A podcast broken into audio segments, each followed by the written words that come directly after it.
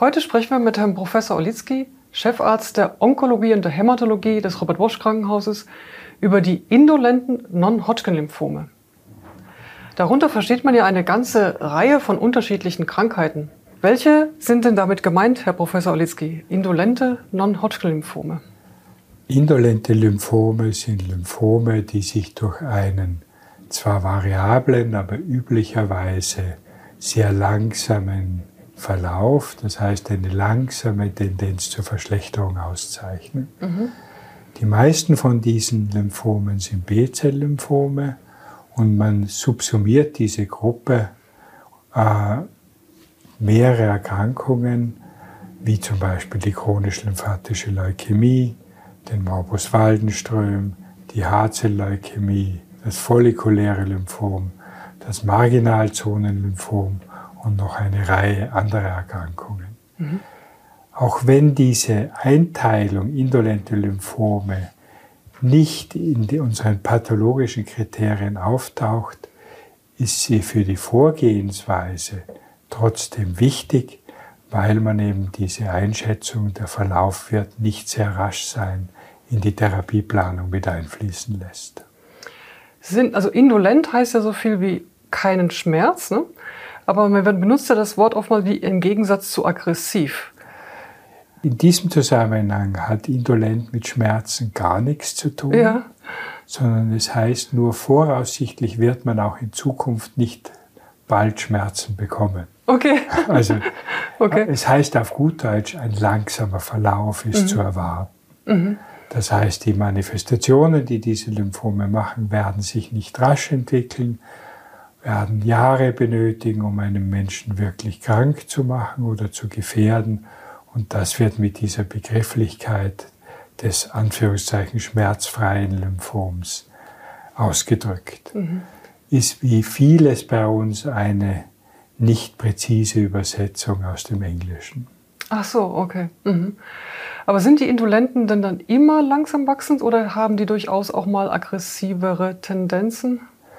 Also die Verläufe sind auch bei den indolenten Lymphomen sehr variabel und unsere Fähigkeit, Ereignisse vorherzusehen, ist grundsätzlich schlecht bei allen bösartigen Erkrankungen. Mhm. Es gibt rasche Verläufe, aber es gibt keine Verläufe, wo man oder nicht auch eine gewisse Beobachtungszeit rechtfertigen kann, mhm. um diese Entwicklung zu sehen. Mhm. Wenn diese Lymphome sehr rasch verlaufen, dann muss man sich die Frage stellen, ob sie sich nicht in ein höher malignes Geschehen transformiert haben. Und ich sage mal, eine Frage, die natürlich alle Betroffenen immer sehr interessiert, sind denn die indolenten Lymphome heilbar? Die indolenten Lymphome sind zum Teil heilbar, mhm. Allerdings nur mit sehr aggressiven Vorgehensweisen, mhm. wie zum Beispiel allogene Stammzelltransplantation. Da diese aggressiven Therapieformen häufig mehr Risiken haben, zumindest in den ersten Jahren als die Erkrankung selbst rechtfertigt sich die Anwendung dieser Therapien nicht. Mhm. Oder erst nach längeren aggressiven Verläufen oder wenn klar wird, dass die Bedrohlichkeit der Erkrankung so zugenommen hat, dass man eben ein Transplantationsrisiko rechtfertigen kann. Das heißt also für jemanden, wo die äh, Krankheit weiterhin sehr langsam fortschreitet, würde man dann eine chronische Therapie quasi machen. Für die Patienten, die so einen typischen Langzeitverlauf haben, lohnt sich die Heilung mit diesen Maßnahmen nicht, weil sie mhm. besser leben, wenn man eine Therapie findet, die ihnen einfach ein beschwerdefreies Leben mit Erkrankung oder mit gut zurückgedrängter Erkrankung erlaubt. Mhm.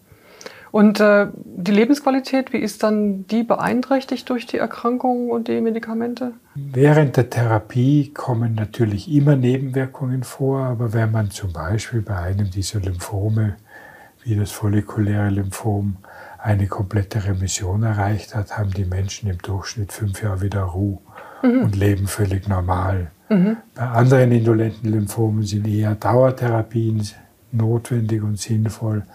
Aber da wird man immer Wege wählen, die ein weitgehendes normales Leben mhm. ermöglichen. Wir kommen ja dann später auch nochmal wirklich so ins Detail der Therapien. Jetzt nochmal vorab die Frage, wie merkt man denn überhaupt, dass man ein indolentes Lymphom hat? Gerade wenn es sich so langsam entwickelt, dauert das ja vielleicht auch, bis man also, das merkt, oder? Ja, man merkt es oft auch nicht. Und es ist ein Zufallsbefund beim Besuch des Arztes, weil sich ein abnormer Blutbefund zeigt oder etwas ähnliches.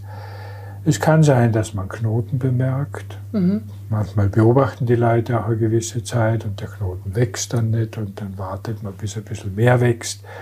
Also das präsentierende Symptom hängt natürlich davon ab, welche Form der Erkrankung und welche Manifestationen die Erkrankung verursacht. Mhm. Aber man muss auch dazu sagen, bei den indolenten Lymphomen ist im Gegensatz zu vielen anderen bösartigen Erkrankungen die rechtzeitige und frühe Diagnose nicht von großer Bedeutung. Ah, okay. mhm. Weil man eben meistens eine Situation hat, wo man sowieso auch noch ein bisschen beobachten könnte. Mhm. Und weil es kein indolentes Lymphom gibt, das man nach heutigen Standards als erste Therapie operativ behandeln würde. Mhm. Daher ist eine über die Zeit eintretende weitere Ausbreitung keine zusätzliche Gefährdung. Mhm. Jetzt fragen wir uns natürlich auch immer, aus welcher Struktur kommen denn diese Lymphome? Ja, alle Lymphome sind ja, oder alle malignen Lymphome sind entartete Lymphzellen. Mhm. Und es gibt ja im Wesentlichen zwei Arten von Lymphzellen, sogenannte T-Lymphozyten. Diese T-Lymphozyten haben die Aufgabe, zum einen böse Feinde zu erkennen, mhm. zum anderen danach zu regulieren, dass die Immunantwort mit allen beteiligten Zelltypen koordiniert abläuft. Mhm. Zum Zweiten haben sie die Aufgabe, Killerzellen zu entwickeln, die dann halt alles tot macht, was den Feind enthält oder was, in, was ihn an der Oberfläche zeigt. Die erstgenannten sogenannten Helfer-T-Lymphozyten sorgen auch dafür, dass die B-Zellen aktiviert werden. Und die B-Zellen sind die Zellen, die Antikörper produzieren. Mhm. Diese Antikörper spielen dann vor allen Dingen beim immunologischen Gedächtnis auch eine große Rolle okay. und führen eben dazu, dass viele Infektionen bei der ersten Infektion schlimmer sind und bei Folgeinfektionen nicht mehr so gravierend äh, sich auswirken. Die B-Lymphozyten, diese Antikörper produzierenden Zellen, machen viel häufiger Lymphome mhm. als die T-Lymphozyten.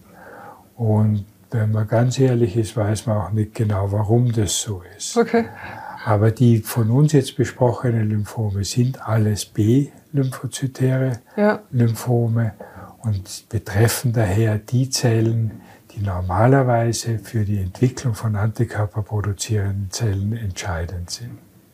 Und deswegen spielen Antikörper, die entweder mehr oder weniger vorhanden sind im Blut als normalerweise auch eine Rolle im Rahmen von den indolenten Lymphomen?